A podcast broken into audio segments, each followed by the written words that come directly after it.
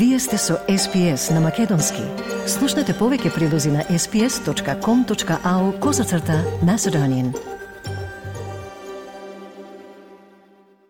Председателот на ВМРО ДПМН е Христијан Мицковски и понуди на владата план со кој ќе се заштедат 300 милиони евра при купување преку, како што вели тој, канали од Швајцарија, Германија и Чешка.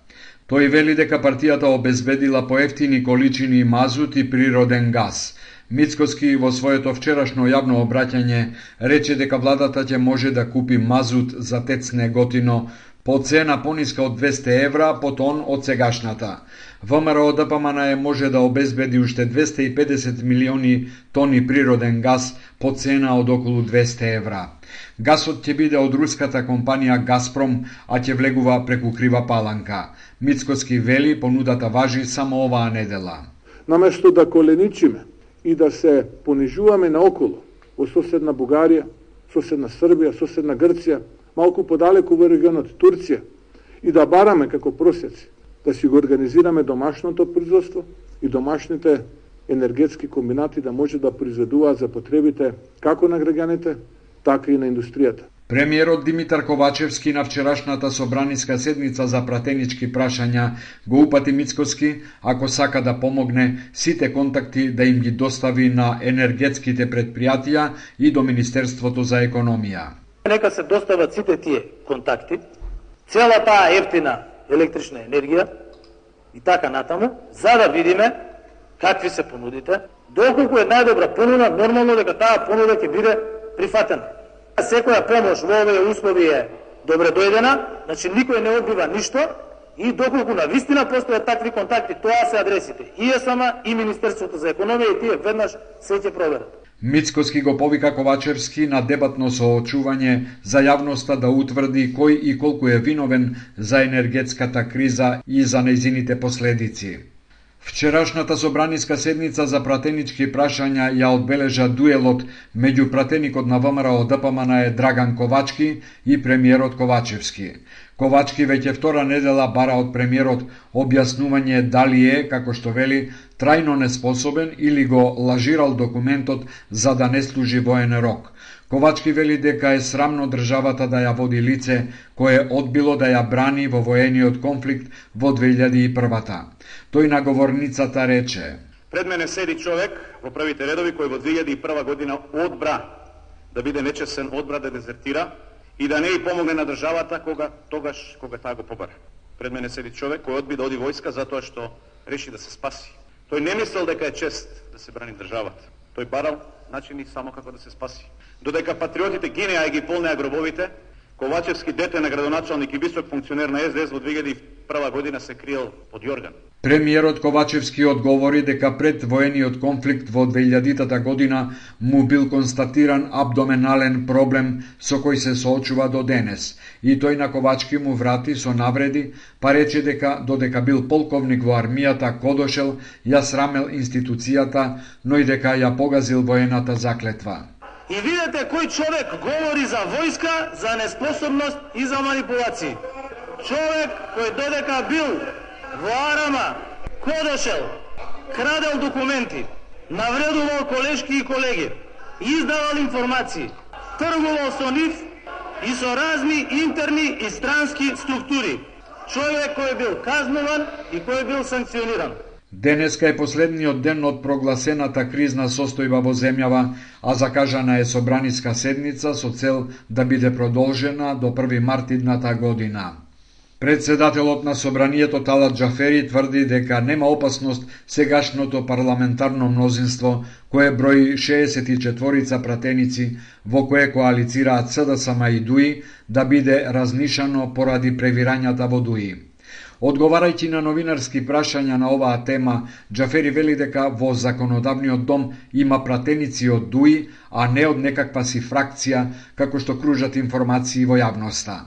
Тој рече дека се уште нема да ја коментира иницијативата за референдум на Левица, бидејќи не е стигната до законодавниот дом, но не пропушти да упати и критика до пратениците, наведувајќи ја како пример Комисијата за избори и именувања, на која бројот на подпишани пратеници кои земаат патни трошоци е многу поголем од реалното присуство кое се гледа и на снимките, а за тоа во конкретниот случај трпи изборот на уставните судии.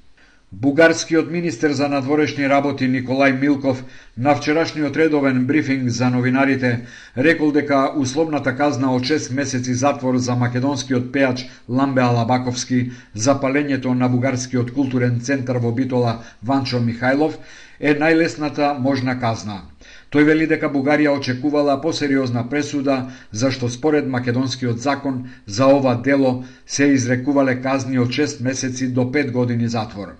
Тој рекол дека овој настан, како и фудбалскиот надпревар Македонија-Бугарија, што се одигра во вторникот во Скопје, откриле структурен проблем за правата на бугарите во Македонија, дека тоа се обиди за еродирање на досега постигнатите договори и дека им покажува на граѓаните на Македонија докаде е земјата во однос на преговарачкиот процес со Европската Унија.